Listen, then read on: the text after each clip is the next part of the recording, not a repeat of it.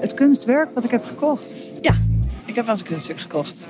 Ja, het is een olieverfschilderij van Daniel Abbott. Het is een uh, aquarel van Max Krijn. Ja, een tekening van een vrouw met een tijgerhoofd. En je kunt er oneindig lang naar kijken en dan blijft, het, blijft, het wordt eigenlijk alleen maar mooier. Mocht je nu zelf ook overwegen om kunst aan te schaffen, dan heb je de juiste podcast opgezet. Want in deze aflevering van de Mondriaan Fonds podcast staat de liefde voor kunst centraal en hoe je met de kunstkoopregeling kunst rentevrij op afbetaling kunt kopen. Mijn naam is Mark en ik steek vandaag tal van lessen op voor de beginnende kunstkoper. Zo ga ik onder andere langs bij kunstenaar Jochem Rotteveel, die uitlegt hoe je een werk vindt dat bij jou past. Dat maakt allemaal geen reet uit. Wat je mooi vindt is uiteindelijk het belangrijkste en dan leer je gaandeweg wel waarom je bepaalde dingen mooi vindt. En spreek ik verschillende verzamelaars die ons ook wijzen op de gevaren van verzamelen. Het is sterk verslavend, maar volgens mij een hele onschuldige verslaving. Maar eerst ga ik langs bij de Young Collectors Circle. Een initiatief dat de rode lopen breed uitrolt voor de startende kunstkoper. Wij zijn ook Young Collector Circle gestart met het idee om te laten zien dat kunst kopen voor iedereen is. Hè. Dus dat je niet per se een kunsthistoricus hoeft te zijn. Je hoeft geen miljonair te zijn. Eigenlijk iedereen, alle, alle mensen zoals jij en ik, die kunnen kunst kopen. Dit is Nadine, medeoprichter van de Young Collector Circle. Een non-profit platform met als doel om de kunstsector op een duurzame manier te ondersteunen. Wij openen de deuren van de kunstwereld voor, voor iedereen die daarin geïnteresseerd is. Je hoeft ook helemaal nog geen kunst te kopen. Eigenlijk de liefde voor kunst, die, eh, die staat centraal. En wij proberen je wegwijs te maken eh, in die kunstwereld. Dus we nemen je mee naar kunstbeurzen, studio's van kunstenaars, galeries, veilinghuizen, musea. Dus eigenlijk een, nou een soort van 360 graden blikken in die kunstwereld. Ja, dus waar moet je op letten als startende kunstkoper? Jij zegt breed oriënteren ja, eigenlijk. ik zou eigenlijk beginnen met breed oriënteren. Uh, ontdek waar jouw interesse naar uitgaat. En uh, ga ook gewoon in gesprek met, uh, met de kunstenaars, met de galeriehouders... om steeds meer te weten te komen over een werk. Want um, iets wat ik vaak hoor van, uh, van onze leden is dat van als je een kunstwerk koopt, wat je niet alleen mooi vindt, hè, wat niet alleen een mooi plaatje is, maar ook waar ook een goed verhaal achter zit, ja, dat beklijft toch een stuk langer. Dus eigenlijk als je verliefd wordt op een idee, dat blijft langer hangen dan een mooi esthetisch beeld alleen. Dan zul je ook zien dat je er, ja, dat je er langer plezier van, uh, van hebt. Jij hebt een goed beeld van mensen die zich uh, die in de beginnende fase zitten ja. van hè, ze gaan het oriënteren zijn. Mm -hmm. Waar lopen de mensen tegenaan? Ja, eigenlijk begint het eigenlijk al bij de drempel. Dat is eigenlijk uh, de drempel van de galerie, de drempel van de kunstbeurs. En uh, dat is juist iets wat wij proberen, proberen weg te halen. Die eerste stap, dat is vaak eigenlijk de, de lastigste. En als mensen zich helemaal comfortabel voelen en weten dat ze gewoon kunnen, kunnen binnenstappen, nou ja, dan merk je ook dat ze gewoon terugkomen en dat ze ook gewoon denken van nou, nu heb ik ook het zelfvertrouwen om, om kunst te gaan kopen. Zie je trends binnen mm -hmm. de startende kunstkopers? Um, ja, wat mij inderdaad wel, wel opvalt onder onze leden, het ook wel heel belangrijk vinden uh, om die kunstenaar echt te ondersteunen. Dus dat ze ook wel bewust voor kiezen. Dat ze denken van nou, dienstwerk vind ik interessant en met een aankoop kan ik niet alleen maar die persoon financieel ondersteunen, maar daarmee laat ik ook zien dat ik de boodschap, uh, dat ik daarachter sta, dat ik die onderschrift die die kunstenaar wil, wil uitdragen. Dus dat engagement is echt wel iets wat, uh, ja, wat je vooral bij jongere generatie kunstkopers veel terugziet. Ambassadeur van de Young Collectors Circle en rasverzamelaar sinds 1972 is Ger van Dam. Ik reis af naar het Groningse Loppersum. Inmiddels is het natuurlijk volledig uit de hand gelopen. Want heer Van Dam heeft zijn woning door de jaren heen getransformeerd tot een waar museum. Dat is aardig gelukt. Uh, sterker nog, uh, er kan bijna niks meer bij. Uh, ja, het is, het is vol. En ik denk, als je gaat tellen, dat zou me niet verbazen als er toch wel uh, 50 kunstwerken hangen en staan. Met ook een, uh, zelfs een groot schilderij van 7,30 meter bij 1,80 meter uh, aan de top van de woonkamer. Hoe bent u begonnen met kunst verzamelen? Het, het is eigenlijk begonnen in 1972. Ik was net uit militaire dienst. En door gelukkige omstandigheid kwam ik te werken bij een bedrijf vlakbij Museum Boijmans en Beuningen. En daar was een uh, pak een beetje drie jaar oudere collega. Die, die, collega die heeft mij geïntroduceerd. Ik kwam voor het eerst in het museum. En dat nam me gelijk bij de kladden. En ik had maar één wens, had ik maar zoiets. En drie maanden later kocht ik toen mijn eerste kunstwerkje. En ja, als er één schaap over de dam is, volgen er meer. En inmiddels is het natuurlijk volledig uit de hand gelopen.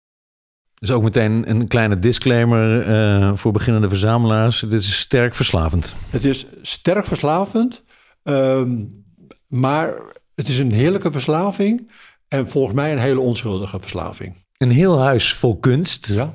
Eh, Maar dat wil niet per se zeggen dat daar nou de grootste portemonnee... eh, Oh, nee, echt niet. Nee, echt niet. Door gebruik te maken van en bijvoorbeeld de kunstkoopregeling. Stel je komt een prachtig kunstwerk tegen voor 4000 euro. Ja, 4000 euro, dat is voor mij ook altijd nog een behoorlijk bedrag. Maar als dat eh, kan in 36 termijnen opgedeeld worden, dan is het misschien 110 euro. Maar iedere maand 110 euro, nou, dat is dan goed te doen. En voordat je het weet, zijn die drie jaar weer om en dan kan je weer opnieuw op jacht. Een paar maanden van tevoren weet je, oh, die kunstkoopregeling gaat aflopen. We gaan eens even op, op ons heen kijken van wat er nu weer te koop is. En dus die kunstkoopregeling, nou, ik denk dat ik er wel minstens tien keer gebruik van heb gemaakt. Wat is uw favoriet, als ik vragen mag? We lopen door de gang. Ja, en we komen nu ehm, in de slaapkamer. En ik blijf toch maar gewoon bij de werken die ik met de kunstkoopregeling heb gekocht. En een werk wat ook echt een favoriet is, is het werk van Levi van Velu. En hij begon eigenlijk met het, eh, met het heel veel tekenen met blauwe bigpennen op zijn gezicht. En in tweede instantie is hij toen allerlei dingen op zijn eh, gezicht gaan plakken. En hier zie je dus een grote foto waarbij hij dus kiezelstenen op zijn gezicht heeft geplakt. En dat vind ik dan zo van fascinerend. Dan hoe, hoe kom je er als kunstenaar nou bij om je gezicht te beplakken met van die grote kiezelstenen? Ja, dat, is- dat, dat, dat is de essentie van, van de hedendaagse kunst, denk ik. Van die verbazing, die grensverlegging, de, de dingen die je niet verwacht, zeg maar. Jonge verzamelaars in de dop. Ehm, wat, wat raadt u hen aan? Eh, bij aarzelen doen. Zorg dat je gewoon kunstwerken om je heen krijgt. Het kan best zo zijn, en het zal zeker zo zijn, dat je een keer een miskoop hebt. Ook dat hoort bij het verzamelen, maar neem een besluit. Zorg dat je die prachtige dingen in je omgeving krijgt. Ga ervoor en bij twijfel doen. De liefde voor Ja. de kunst, dat is uw eh, drijfveer. Ja, ja. Maar ergens is voor de beginnende verzamelaar misschien ergens dat financiële aspect ook nog wel aardig. Ja. Zitten daar dan nog dikke klappers bij, eh, meneer Van Dam? Eh, als je bedoelt dat, dat zo'n werk een bepaalde waarde heeft, bedoel je ja, dat? ja. Bij, bij Levi is dat zeker het geval geweest. Ja. Dat, ik weet het niet zeker, maar die, ehm, die foto is zeker wel eh, drie keer over de kop gegaan. En dan kun je zeggen van, we verzamelen niet om, om te handelen, zeg maar. Maar het is natuurlijk wel mooi meegenomen als zo'n werk gewoon toch behoorlijk in prijs stijgt, zeg maar. En het is ook een, musea, eh, het is ook een mu- museaal waardig werk. Ik denk dat, dat ja, we, het hangt nog veel te mooi om het eh, te gaan schenken. Maar ik denk dat wanneer we onze vinger opsteken, dat een museum dat eh, graag eh, zou willen ontvangen, zeg maar, in de collectie. Uw gedachten gaan dan uit om het te schenken en niet Ja. om het te verkopen. Nee. Het is ook een beetje de, de, de- hoe moet je dat zeggen? Eh, het feit dat je dan op een gegeven moment zegt van nou, geschonken door Ger van Dam, het doet me meer vreugd dan dat ik 10.000 euro zou krijgen wat ik dan weer eh, ga, ga verpatsen of zo. Of dat je in een vliegtuig stapt om ver, verre vakantie te doen. Bij twijfel dus doen. Maar om aan het twijfelen te raken, moet een kunstwerk je eerst grijpen. En daarvoor moet je het eerst opzoeken. Ik reis daarom af naar Rotterdam.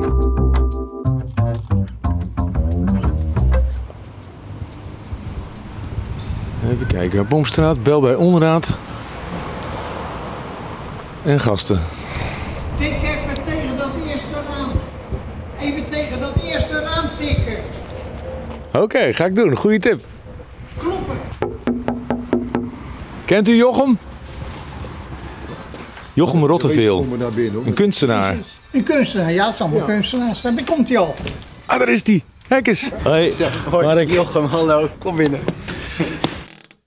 Kunstenaar Jochem Rotteveel beschrijft zichzelf als een schilder die gebruik maakt van speciale materialen, zoals plakfolie en tape. Ik heb met hem afgesproken in een oude autogarage in de Rotterdamse wijk Charloes, die tegenwoordig dienst doet als zijn atelier. Dus je kan nog op, de, op het plafond zien hoe goor het hier ooit is geweest. Want daar zie je nog alle roetaanslag en eh benzinedampen. En eh, nou ja, als je daar ooit met een sponsje overheen gaat, dan... eh, want eigenlijk was dat dus grijs of wit. Eh, de wand is leeg, wat betekent dat er weer van alles mogelijk is. En ja, dat er weer van alles gemaakt kan worden. Het oog trekt toch direct naar je werk toe. Fijn, De lege, gelukkig. de lege wand is, is niet geheel leeg. Voor de luisteraar. Ja, Het zijn objecten. Ja, ja, ja. Lijkend op schilderijen op een soort plastic basis, mag ik dat zo zeggen? Ja, het doet. Kijk, het zijn objecten die je aan een muur hangt. Dus je zou kunnen zeggen. Het, het refereert aan schilderijen, Ehm, maar de vorm wordt bepaald door de materie. De, de vouwen, de plooien, die bepalen uiteindelijk de contouren van het werk. Eh, dus ja, is het een object? Is het eh, schilderkunst? Ja, het zit er tussenin. Dus het lijkt een beetje te welven, hè? Die vouwen, die heb ik eigenlijk ooit bedacht. Eh, ten eerste omdat ik het interessant vond om te kijken van ja, wat is nou eigenlijk die grens tussen tweedimensionaal en driedimensionaal. Maar ook om ehm, die kleurvlakken die niet mengen met elkaar, toch optisch te laten mengen met elkaar. Dus als je die vouwen volgt met je ogen, meng je eigenlijk als het ware ook die kleuren met elkaar. En dat is, eh, ja, dat is het idee daarachter. Ben jij in het maakproces überhaupt enigszins bezig met de verkoopbaarheid? Nee, absoluut niet. Wat verkoopt, dat verschilt eigenlijk ook heel erg per eh, land, per stad en ook een beetje per galerie.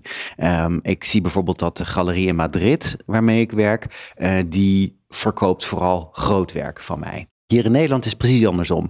Eh, met name kleiner werk. Hou ik daar rekening mee in mijn hoofd? Nee, zeker niet. Want ik denk dat als ik dus heel erg in mijn achterhoofd hou van, nou ja, als ik het een beetje over die of die boeg gooi, dan, eh, dan verkoop ik het ook. Dan, dan verlies ik de interesse in mijn werk en dan, dan ga je dat zien. En ik ben juist met duct tape ooit en nu met folie begonnen om eh, werk te maken wat ik goed vond. Op de academie zeiden docenten, jeetje, weet je wat, dat duct tape, hou ermee op, want wat moet je ermee?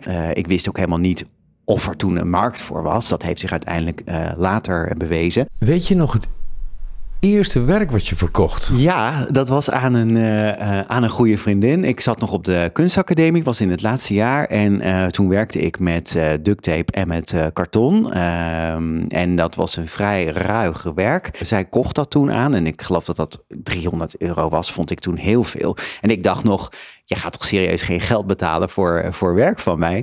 Maar zij heeft dat eh, gekocht en ehm, zij is er nog steeds heel blij mee, gelukkig. Wat zou jij een gemiddelde kunstliefhebber nou kunnen zeggen over kunst kopen? Ik denk dat sommige mensen het gevoel hebben dat op het moment dat ze een galerie binnenstappen, dat ze werk moeten kopen. Nou, dat is natuurlijk niet het geval. Ik denk dat mensen vooral lekker eh, op onderzoek moeten gaan naar beurzen, naar galeries, naar musea, om hun beeld over kunst en hun eigen smaak te gaan ontwikkelen. Ik hoor ook wel eens van mensen zeggen, ja, eigenlijk eh, snap ik het niet zo goed of eh, misschien heb ik te weinig kennis op het gebied van kunst. Dat maakt allemaal geen reet uit. Wat je mooi vindt is uiteindelijk het belangrijkste en dan leer je gaandeweg wel waarom je bepaalde dingen mooi vindt. Op onderzoek uit dus. Naar musea, kunstbeurzen, galeries. Ik loop binnen bij Galerie Bart. De galerie die ook het werk van Jochem verkoopt. Omdat wij dus veel met jonge kunstenaars werken. En ook waarschijnlijk de uitstraling van onze galerie. Merken we ook dat wij ook jonger publiek hebben. eh, beginnende kopers. Dit is Merel de Kok, director van Galerie Bart. Galerie Bart begon in 2003 in Nijmegen en heeft inmiddels al heel wat jaartjes een tweede vestiging aan de Elandsgracht in Amsterdam. Ik vraag me af hoe de prijs van een kunstwerk wordt bepaald. Eh, dat verschilt heel erg per medium en per werk. En ook per kunstenaar. Een jonge kunstenaar heb je andere prijzen dan iemand die al verder in zijn carrière is. Dus eh, cv is heel belangrijk. Eigenlijk kun je het bijna vergelijken als met gewoon een, een salarisverhoging. Hè? Dat, dat is hetzelfde. Hoe meer ervaring je hebt, hoe meer je salaris je verdient. Want je neemt gewoon je rugzak met, met ervaring mee en kunde. En, eh, en, en dat geldt dus ook voor kunstenaars. Bij een schilderij is het eigenlijk heel simpel om een eh, prijs te bepalen. Dan wordt de, de hoogte en de breedte bij elkaar opgeteld en dan eh, maal een bepaalde factor. Sommige kunstenaars beginnen dan bij factor 10 en dan verhogen ze die factor naarmate ze eh, ouder worden. En bij fotografie is het weer anders, want dan heb je te maken ook met productiekosten. Want een, een foto heeft ook een drager nodig en een lijst en misschien ook wel glas. En dat zijn allemaal extra kosten die een kunstenaar moet maken. Dus het is niet, ik kan hier niet een één antwoord op geven. Is er dan ruimte om te onderhandelen over prijzen? Uh, je kunt het altijd proberen. Dat doen we niet zo heel graag, omdat wij dus uh, met kunstenaars samenwerken van wie het werk al uh, in, in de kunstwereld, ik snap dat voor niet iedereen dat zo is, maar betaalbaar is. En de, het helft van de commissie gaat naar de kunstenaar en de andere helft gaat naar de galerie. Dat moet voldoende voor allebei zijn om daar dan eventueel over te kunnen onderhandelen. Welke trends en ontwikkelingen zie je onder de kunstkopers? Ik zie dat er veel meer mensen online durven te kopen. En dus dat mensen, denk ik, ook de galerie ook meer weten te vinden. Het publieksaantal is echt wel gestegen bij ons in de galerie. We merken dat zeker als, als galerie, dat er ook meer nieuw publiek bij ons binnen is, die dan nog nooit bij ons binnen is geweest. Nu ik weet waar ik de kunst moet zoeken, weet dat ik me van niets of niemand iets aan moet trekken en enkel mijn eigen smaak moet volgen, en weet hoe de prijs wordt bepaald, begin ik een aardig beeld te krijgen. Stel je wil een werk van bijvoorbeeld Jochem aanschaffen. Mogelijk dat de kunstkoopregeling dan soelaas kan bieden. Kunstkoop is een regeling van het Mondriaan Fonds. Het is een regeling voor particuliere kopers, waarmee ze als ze een kunstwerk willen aanschaffen, dat werk in maandelijkse termijnen kunnen betalen, zonder dat zij daarbij extra kosten hoeven te betalen. Het Mondriaan Fonds werkt ervoor samen met Santander. Santander verstrekt eigenlijk leningen aan de kopers en het Mondriaan Fonds vergoedt rente en onkosten. Iemand die alles weet van de kunstkoop is Carmen Musquet, projectmedewerker bij het Mondriaan Fonds. Zij kan ons meer vertellen over wat de kunstkoop kan betekenen. Kunstkoop kan je al gebruiken vanaf 250 euro tot 7500. Uh, dat is het leenbedrag. Je kunt ook een werk kopen eventueel dat duurder is dan 7500 euro. Uh, maar dan vergoed je de rest zelf. En deze renteloze lening betaal je dan maandelijks over een bepaalde periode af? Met een maximum van drie jaar. Dus voor de koper betekent dat een klein bedrag per maand. Terwijl de galerie het gehele leenbedrag gelijk uitbetaald krijgt en daarmee ook de kunstenaar kan betalen. En zijn alle vormen van kunst aan te schaffen via de kunstkoop? De kunstkoop is bedoeld voor de aanschaf van beeldende kunst. Eigenlijk in alle facetten waarin het zich aandient. Het kan zijn schilderkunst, fotografie, sculptuur. Uh, het kan ook meer toegepaste kunst of vormgeving zijn. Dan gaat het wel met name om unieke stukken of stukken in beperkte oplagen. Feitelijk is de kunstkoop dus voor praktisch alle vormen van beeldende kunst te gebruiken. Ik ben benieuwd hoe anderen het hebben aangepakt en of het bevalt. Hallo. Dag Femke, met Hoi. Mark. Helemaal naar boven lopen. Joe! Ik ben op bezoek bij Femke Buis. Zij werd via de Young Collectors Circle verliefd op een werk dat ze uiteindelijk via de kunstkoopregeling aan heeft kunnen schaffen.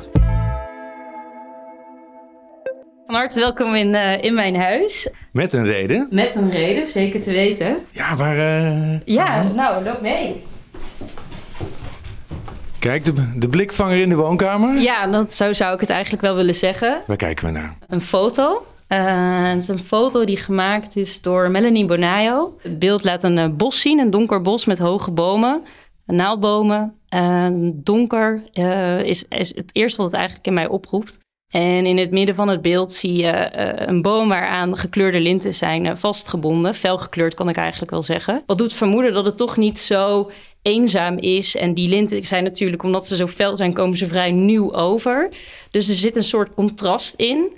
Ehm, dat, dat roept bij mij dan de vraag op van... nou, waarom zitten die linten daar dan eigenlijk? En eh, wat voor reden heeft dat die linten daar vastzitten?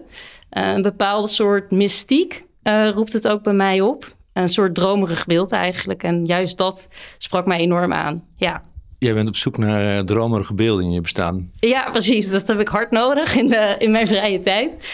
Ehm, dit beeld dwingt me er eigenlijk een beetje toe van... wat is er nog meer? Ehm, in plaats van eh, ja, gewoon het dagelijks leven. Ehm, onze samenleving is heel recht toe recht aan. Misschien soms wel een beetje zwart-wit. Ja. En, en hoe lang eh, hangt het hier al? Ehm, nou, het hangt hier nu denk ik bijna twee jaar. Ik kwam ermee in aanraking tijdens de Amsterdam Art Week.